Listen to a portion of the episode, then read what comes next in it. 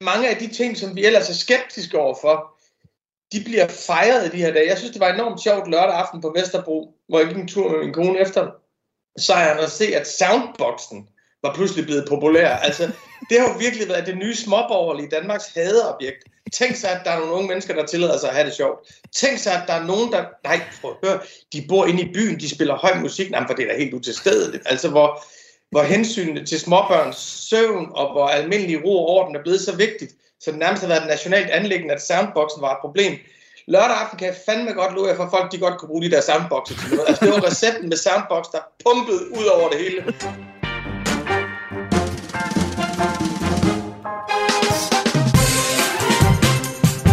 Det her er Mandsopdækket Radio 4's EM-podcast om fodboldspillere og ikke bare fodbold. Din værter er kulturskribent Katrine Lundager og jeg selv, fodboldjournalist Ben Grønbæk.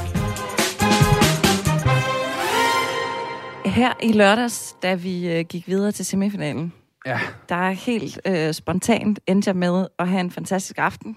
Selvfølgelig også, fordi vi gik videre. Men også fordi, at øh, vi egentlig bare skulle se kampen derhjemme. Jeg har jo små børn. Øhm, og så endte det med, at der var en rigtig stor fødselsdagsfest nede i min gård. mm. Jeg bor øh, på den yderkant af Nørrebro, så der bor helt vildt mange forskellige mennesker i min ejendom. Og det var altså en 70-årig mand, som havde boet i en af naboopgangene i øh, mange år, som skulle holde sin fødselsdag. Helt vildt fed 70-års fødselsdag jo. Den var til klokken 4 om natten, og der var afrobeats og sådan noget. Jeg tænkte virkelig, hvis det er min 70-års fødselsdag, må gerne være så festlig. Ikke?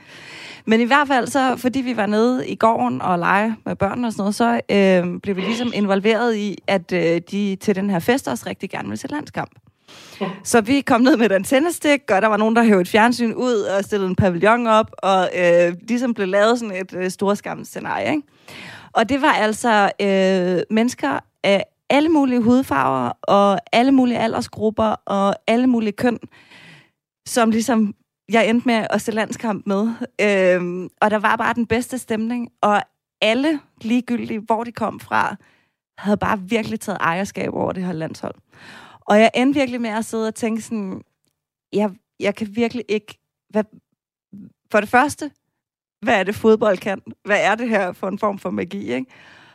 Og så som det næste, ligesom, hvad sker der lige for tiden med det her landshold? Altså, hvad, hvad, jeg kan ikke forestille mig noget andet, der på den måde, jeg har set samle os. Jeg kan godt genkende den der følelse. Mm. Og det, jeg tror, det er den, vi skal lidt igennem i dag. Altså, den her episode kommer til at handle om eufori. Og den eufori, der har ramt Danmark efter den kvartfinalekamp der. Fordi vi har jo alle sammen set de voldsomme... Ja, voldsomme var de jo egentlig, fordi de er så særlige. Altså, de billeder, der var i fjernsyn søndag morgen, af folk, der i Aarhus danser oven på busser, og øh, kæmpe store folkemængder på Kongens Nytorv i København. Og Ja. altså, det så helt vildt ud. Altså, det, man kan nærmest gå og frygte en lille smule, hvad der sker, hvis vi vinder i EM. Altså, fordi det kommer der til at, det kommer til at ende i en borgerkrig, sådan som det ser ud lige nu. Så i dag i Mandsopdækket, der kigger vi lidt nærmere på, hvad det gør ved os, det her øh, forbaskede landsholdsfodbold, og, øh, og også på, øh, hvad vi egentlig er for et lille samfund, når, når de her meget samlende nationalsymboler, de dukker op lige pludselig.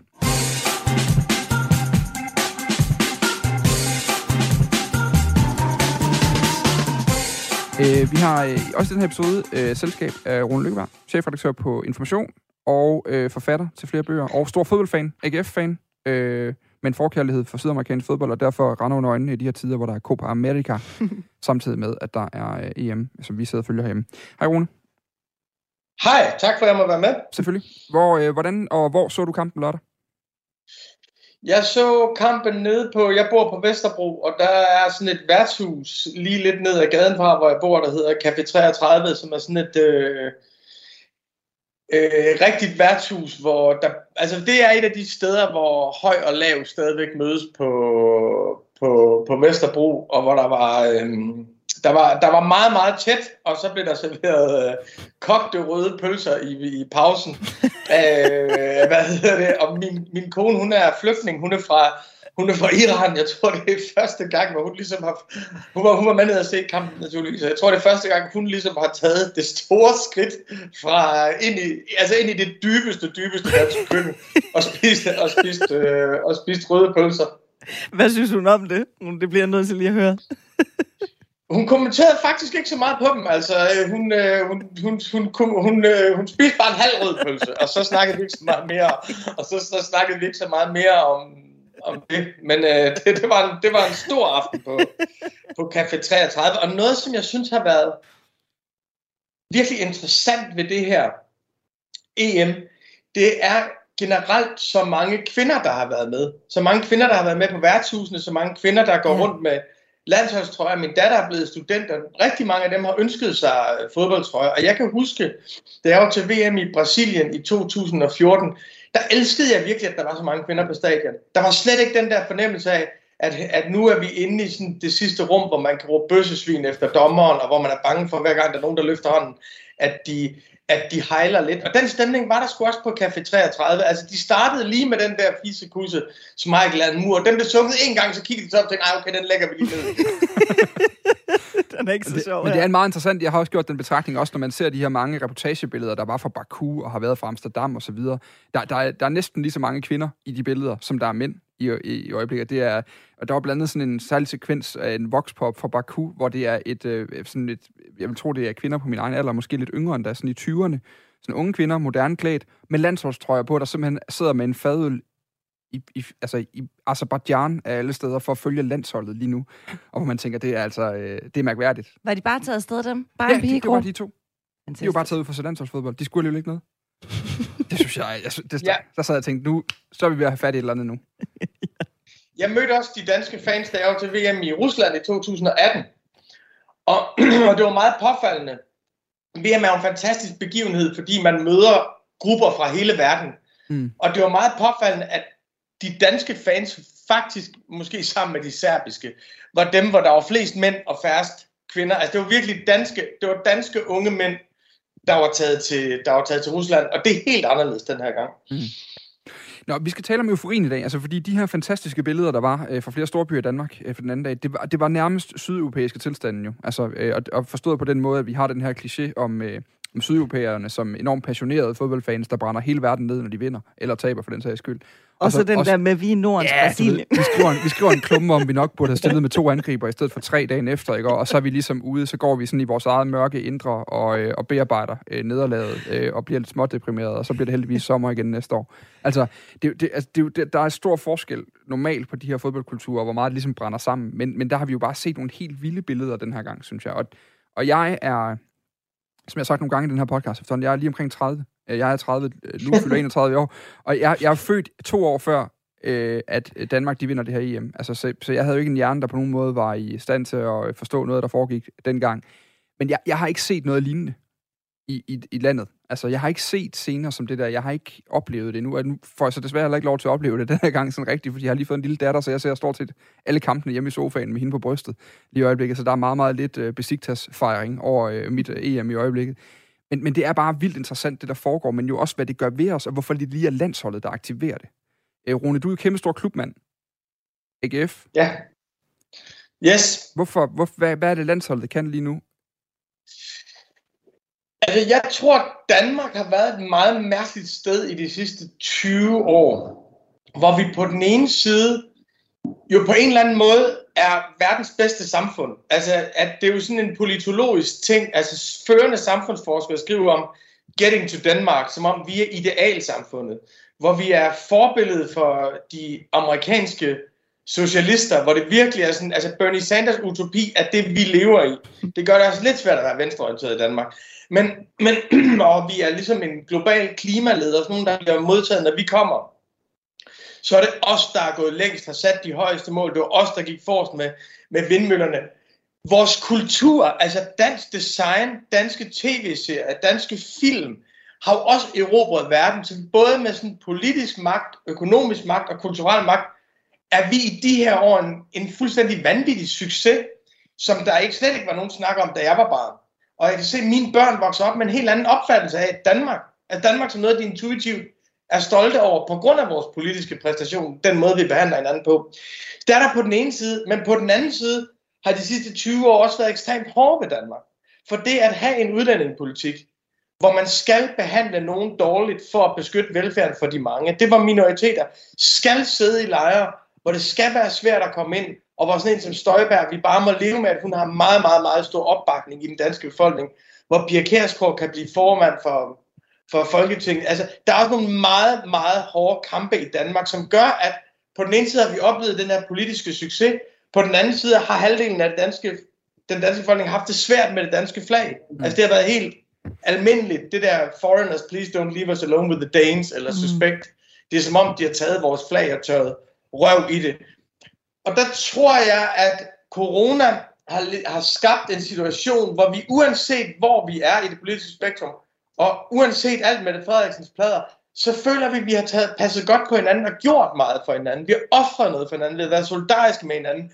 Og at det hele det her konfliktfyldte, bevidsthed om succes, bevidsthed om brutalitet, splittelse, corona, der bliver artikuleret nu. Der har simpelthen været behov for et apolitisk, værdifrit fællesskab, hvor man kunne artikulere det fællesskab og den glæde over den måde, vi behandler hinanden på.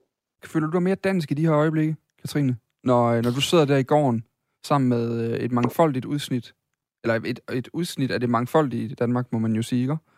Ja, ja, og der tror jeg, men der, der, det var helt klart en følelse af ligesom at være, sådan, at være stolt af at være dansker sammen med de her mennesker, som var meget, havde meget, meget forskellige baggrund fra mm. mig, som tydeligvis også følte sig i det moment som danskere. Vi var ligesom på lige fod, ikke? Så det er jo helt klart sådan en oplevelse, tror jeg, en, en helt konkret oplevelse, og det Rune taler om, ligesom med den der sådan... Det, det, det er jo det, vi gerne forbinder med Danmark, ikke? Og så er der alt det andet, som man sådan, som sådan venstreorienteret kulturradikal snodet type jo har haft det svært med, ikke? Det, det der med flaget, ikke? Som suspekter formulerer så fint skal nok få klippet ind på en eller anden måde. Den, den kan vi godt lige tage det omkvæd. Hvad hedder det? Øhm, ja, fordi det, det, det, er det er netop symbol. Altså, Dannebro er alle steder lige nu. Altså, det er virkelig alle steder lige i øjeblikket. Hummel har fuldstændig udsolgt af landsholdstrøjer. Jeg så i morges sad lige og lavede lidt research, og så på den blå avis, der, det er nærmest ligegyldigt, hvor meget du har svedt i den der landsholdstrøje til en badmintontræning på et eller andet tidspunkt, og hvor gammel den er, og hvor udslidt den er. Den koster 3.000 i øjeblikket på den blå avis. Altså, du, det, det er helt vildt, hvad folk de skyder deres gamle brugte landsholdstrøjer af for lige nu. Altså, de der nationalsymboler, der har jo der har netop været sådan en værdikamp de sidste 20 år, vel, hvor man, hvor man har taget afstand fra i hvert fald dele af Danmark har, at så er det så jo bare, bare et landshold, der skulle til, for de er tilbage, og en coronakris.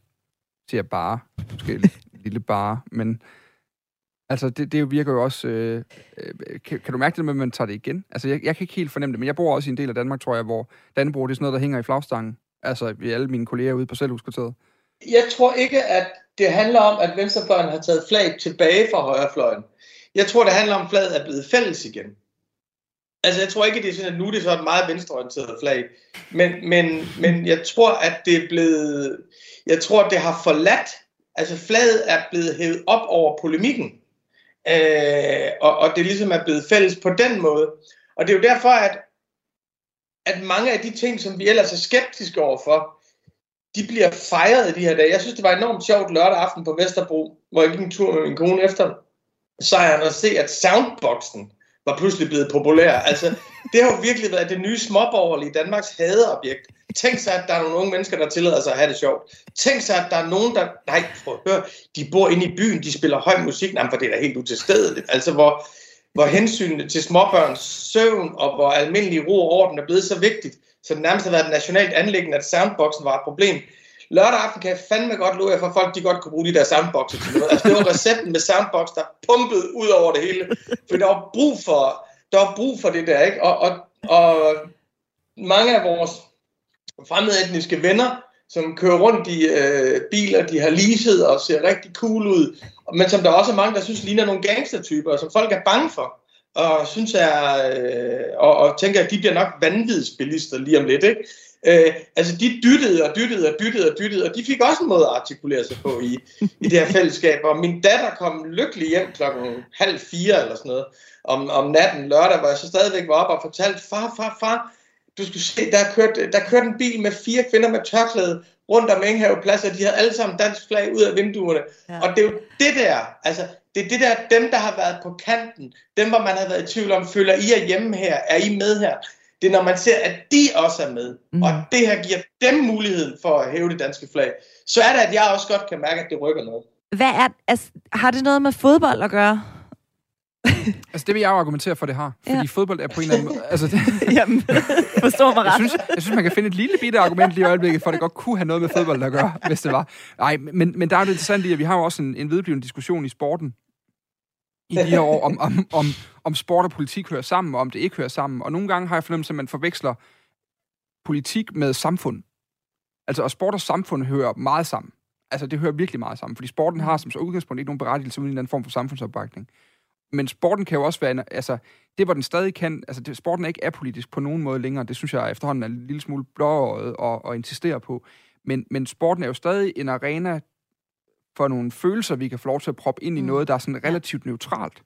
Altså, øh, øh, som jo er succesen for vores sportshold.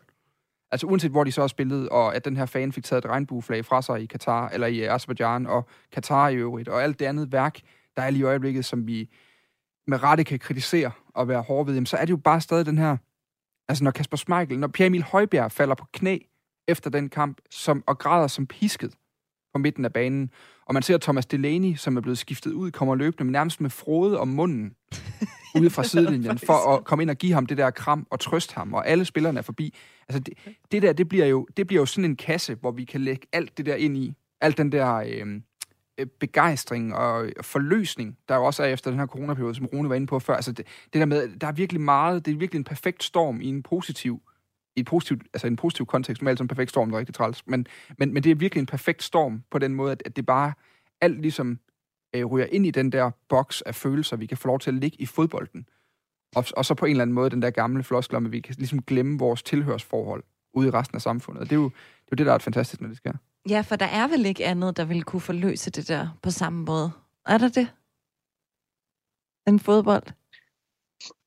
Jeg, jeg tror det ikke, men jeg synes, problemet er, at, at fodbold er blevet så ekstremt belastet. Altså, at, at vi vil jo gerne have, at fodbolden er et autentisk rum, hvor man kan udtrykke sig spontant og impulsivt, og hvor vi kan være glade i fællesskab og lide sammen. Men man må desværre bare erkende, at i de senere år, der har fodbolden også været en arena, hvor folk og magtformer, vi har prøvet at holde helt ude af vores samfund, har købt sig ind i vores samfund, hvor ja. russiske oligarker, som vi under i alle andre sammenhæng ville sanktionere og være politisk og kulturelt imod, de kan købe et hold, der vinder Champions League, så de ligesom er bare, og, og hvor Katar kan købe øh, Paris Saint-Germain, og det vil sige, når jeg ser mit elskede Neymar spille, så er det en diktaturstats interesse, og det der med, at fodbold er blevet til legitimitet for nogen, der ikke kan finde legitimitet andre steder, og at folk kan stjæle penge fra de fattige i de fattige lande, og opføre teater for de fattige i de rige lande. Mm. Det synes jeg er ekstremt ubehageligt. Altså, og der, for mig var det store fodboldmoment i det her år, det var dengang de britiske fans, de knuste den der Super League. Altså det, og det var, Ja. Altså det kan godt være, at nogen synes, Julemand er en stor filosof. For mig er det Gary Neville. Altså for mig var det Gary Neville, der sagde, it's disgusting.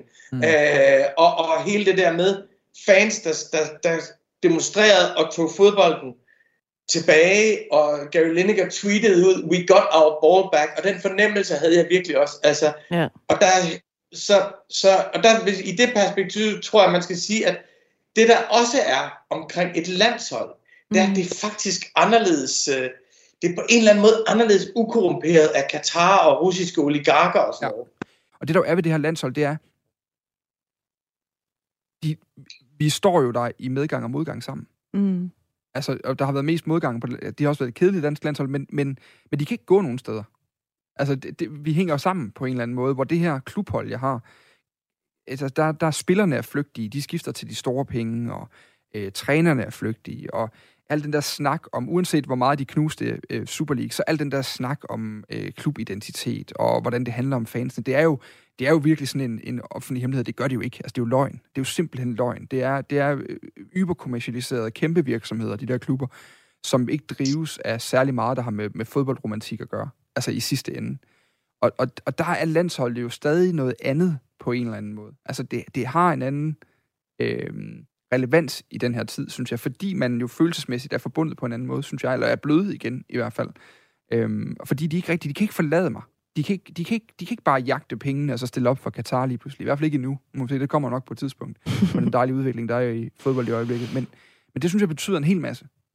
Det, det er i hvert fald, altså det er jo en anden kærlighed på en eller anden måde, ikke? Altså den, den klubkærlighed er jo noget andet end landsholdskærlighed. Og jeg tror faktisk, nu det sjove er jo at snakke med jer to, som egentlig ikke er sådan... Øh, har landsholdet med øh, fra, fra, fra drenge... Øh, altså, hvor jeg ligesom har en eller anden... Fordi jeg tror, det, det er tit det, jeg har forstået ved den. Så jeg følte mig sådan lidt uden for den der landsholdskærlighed, fordi at jeg, øh, jeg ikke fik den.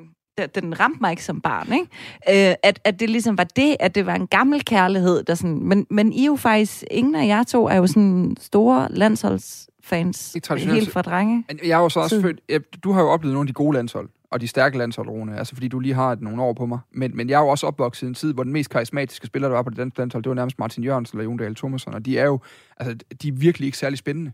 Altså, det må vi bare sige. Ja, Martin Jørgensen er en kæmpe spiller, en kæmpe karakter. Det er du fuldstændig ret i. Ja, det er det er rigtigt. Undskyld. Den, det er jo virkelig en dårlig reference i det her selskab. Hvad hedder det? Øh, nej, men øh, man kan også nævne René Henriksen. Altså, det var Christian Poulsen, som jo også bare var sådan... Det var sådan nogle stenstøtter på det der landshold. De kom jo nærmest til at se sådan en lille smule arrogante ud i deres forhold til befolkningen, men det var sådan midt i fodboldens kæmpe professionalisering i løbet af nullerne, hvor der blev ansat indkasttrænere indkasttræner og mentalcoaches og øh, øh, specialtræner. Altså fodbold skulle bare pumpes op, og det var sådan en væksttanke. Det passede meget godt til det samfund, vi havde på det tidspunkt, hvor det hele tiden bare optimere. Altså at, at, at, at få endnu større konkurrencefordel. Det skete også med fodbolden, og det betød bare, at den rykkede sig længere og længere væk fra sådan min, min, altså min småflommede uh, teenage-tid der, hvor jeg virkelig ikke var særlig tæt på de der toptrænede proffer på nogen måde. Og, og nu nærmer den sig ligesom igen øh, på en eller anden måde. Jeg har heller ikke oplevet de her 86 drenge, der røg smøger og, øh, og synes, det var sjovt, det hele.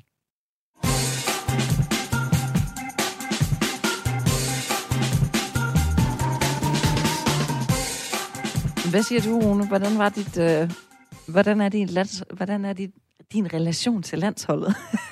du kan lige tage os igennem dit liv. øh, det er komplekst. Ja. Øh, altså, jeg holder jo, altså jeg holder alt, næsten altid med Danmark, når Danmark spiller landskamp. Jeg holdt ikke med Danmark i 98 mod Brasilien. Altså, øh, det er fordi, at, at det er sådan en, en kurve gennem mit liv. Det er frem mod næste VM, og, og hvordan Brasilien ligger, om vi bliver verdensmester, eller om vi ikke bliver verdensmester, og, og sådan Det er en meget, meget vigtig kurve i mit liv, som min familie også følger meget intenst, og brasilianske trøjer i vinduerne under alle store turneringer og sådan noget. Så, så, så, så det er ligesom mit store, mit, mit, mit store hold, men jeg har altid godt kunne lide det, som landsholdet kunne fremkalde i danskerne. Jeg har altid godt kunne lide at det der med, at der faktisk kunne fremkaldes et fællesskab, som overskred de modsætninger, der er i, i Danmark. Og det har landsholdet altid kunnet, og jeg synes, det der med, at man kan gå ud nu og være sammen om noget, der hverken er by eller land, der hverken er progressiv eller mm. konservativ, der hverken er enhedslisten eller Dansk Folkeparti, der hverken er de højt uddannede eller de lavt uddannede, der ikke har noget som helst med klimakrise eller udlændingepolitik at gøre. Det der, at landsholdet kan være fremkalder for en fællesnævner, som intet andet kan i, i, i det her samfund. Og der kan man sige, jamen betyder det så, at vi får en skide god udlændingepolitik, og vi laver, realiserer 70 mål i morgen? Nej, det gør det ikke, men det betyder, at vi kigger på dem, som vi deler samfund med, mm. og siger, at vi holder sgu mm. sammen her. Og jeg tror, at kombinationen af, at alt andet har været lukket, altså der ikke har været festivaler og alle de andre ting, folk plejer at lave, og så det der med, at man virkelig har været dybt i hulen sammen. Altså, det der, det er jo ikke pis, det hun siger, Mette Frederiksen, med at man står sammen ved at holde afstand. At man har faktisk offret sit nære liv. Der er ældre mennesker, som har, ikke har set deres børnebørn, som vi måske aldrig kommer til at se igen i halvandet år. Der er unge mennesker på produktionsuddannelser, som, som, som altså har siddet og lært at filetere en fisk over, over teams. Det er voldsomt, voldsomt ting, folk har givet for hinanden, uden at kunne være sammen med noget som helst. Og det tror jeg faktisk kun er fodbold, der kan artikulere det på den måde, som de har gjort nu. Og på den måde synes jeg, at landsholdet er fantastisk. Ja, fordi det udvisker jo de der skæld. Altså, det er jo, det er jo fuldstændig rigtigt. Altså, det, og det er jo det er egentlig lidt underligt, fordi det gør det, gør det jo. Jeg, jeg sidder lige, jeg sad lige og faktisk også lige fadet ud lige for jeg sad og tænkte, er der overhovedet noget andet, der kan det? Mm. Altså har vi det tætteste... Kim Larsen. Kim Larsen måske. men øh, nephew. Øh, men måske, øh, i hvert fald ude i provins Danmark, der kan nephew noget af det samme. Hvad hedder det? Men, men ellers så er vi ude i sådan noget, når der er Oscar-fest en gang om året. det, alle kan også godt juble, når Thomas Winterberg vinder en Oscar for druk på en eller anden måde. Altså det, det er også, der er det også blevet både højkultur og lavkultur nok til, at alle ligesom er med i, i hele samfundet. Men ellers så findes der jo ikke rigtig de der samlende ting, men det spændende er jo, hvad der så sker bagefter, fordi en ting er, at alle hopper på under bølgen nu, og alle flokkes ind til de her fanzoner, og alt muligt andet værk, og hopper på busser og alt muligt, men, eller danser på busser, for det ikke lyder, som om man bare tager bussen. øhm, men sådan er jo, hvad der sker bagefter, om der, om der er noget, der er sådan er vedblivende. Kan du huske, kan, altså kan I huske det fra 92? Var der noget, der var der bagefter os? Efter, altså når man er gået hjem fra Rådhuspladsen, og der er ryddet op derinde, hvad er der så tilbage? Altså, er, er, har det så flettet noget tættere sammen, eller er det bare, mens ballet det står på? Ja, altså jeg husker det, men, men det her, det bliver virkelig meget subjektivt, fordi jeg, der jeg mange, jeg kender, der er uenige med mig, men jeg husker det som et andet Danmark dengang. Altså, det der med, at vi har virkelig, virkelig været op og slås i det her land med hinanden. Altså de der Mohammed-tegninger for eksempel, ikke? samtidig med at vores ambassader bliver brændt af, så jeg synes, den ene halvdel af befolkningen, det er pisse racistisk, at, at trykke det. Vi har virkelig, virkelig været, øh, altså hele det der med at flytte arbejdspladser ud af ja. hovedstaden, og he, altså Dansk Folkeparti, man skal ikke tage fejl, der er stadigvæk mange, der synes, det er det mest afskyelige parti i verden, og, og nye borgerlige, øh, og, og samtidig er der nogen, der synes, at at sådan nogen som os, der, der, eller sådan nogen som mig i hvert fald, der, der, der, der virkelig synes, at solidariteten i Danmark er ikke noget værd, hvis ikke også den er en solidaritet med alle de mennesker, der er andre steder i verden, og det må være et mål for enhver udlændingepolitik at sige, hvad er vores minimum? Synes at jeg er hjernedød og svigter? Altså, jeg føler virkelig, at vi har været op og slås i Danmark fra 2001 og frem til 2021, hvor indvandring, islam, terror, udkant har været. Så jeg føler ikke, at vi havde det behov for at artikulere et fællesskab i 92, som vi gør nu. Og jeg tænker, at uanset hvad, uanset hvad der sker bagefter, så vil man bagefter tænke på de der drenge med deres biler, der dytter, at hey, de var sgu med dengang vi fejrede det. Man vil tænke på pigerne med tørklæde. De havde sgu flaget ud af vinduerne. Man vil tænke på de der soundbox. Man vil tænke, okay, der var faktisk, der var faktisk en gang, hvor det var soundboxen, der gjorde, at vi kunne synge recepten på, på, på Almtorvet. Altså, jeg, jeg, tror, at der er, jeg tror, det er et, et moment, som vil blive stående for mange som deres højdepunkt. Og derfor vil det blive et referencepunkt. Og jeg er konstitutionel optimist, og jeg tror, vi har fået lidt bedre fat om hinanden. Også dem, som vi troede stod udenfor. Det er jo det her fodbold i virkeligheden bliver magisk, ikke? Ja. Altså, det er jo ikke så meget, hvad der sker under kampen, men det er jo, det er jo når, når øh, altså, det, en ting er, en dansker, en tysker og en belgier gik ind på en bar, men problemet er jo, altså, at de også går ud sammen bagefter. Hvis de gør det, så begynder der ligesom at, så har det rykket et eller andet, jo, ikke? Altså, Øhm, men men jeg, jeg, kan, jeg kan nemlig godt blive i tvivl, fordi vi har også set den her øhm, afmatning i roligan-kulturen, eller fankulturen omkring landsholdet. Det er jo ikke... Altså, det fader også bare hurtigt. Vi glemmer hurtigt succes, selvom EM i 92, det ved jeg godt, men, men det er jo ikke... Altså, det, det forsvinder også på en eller anden måde.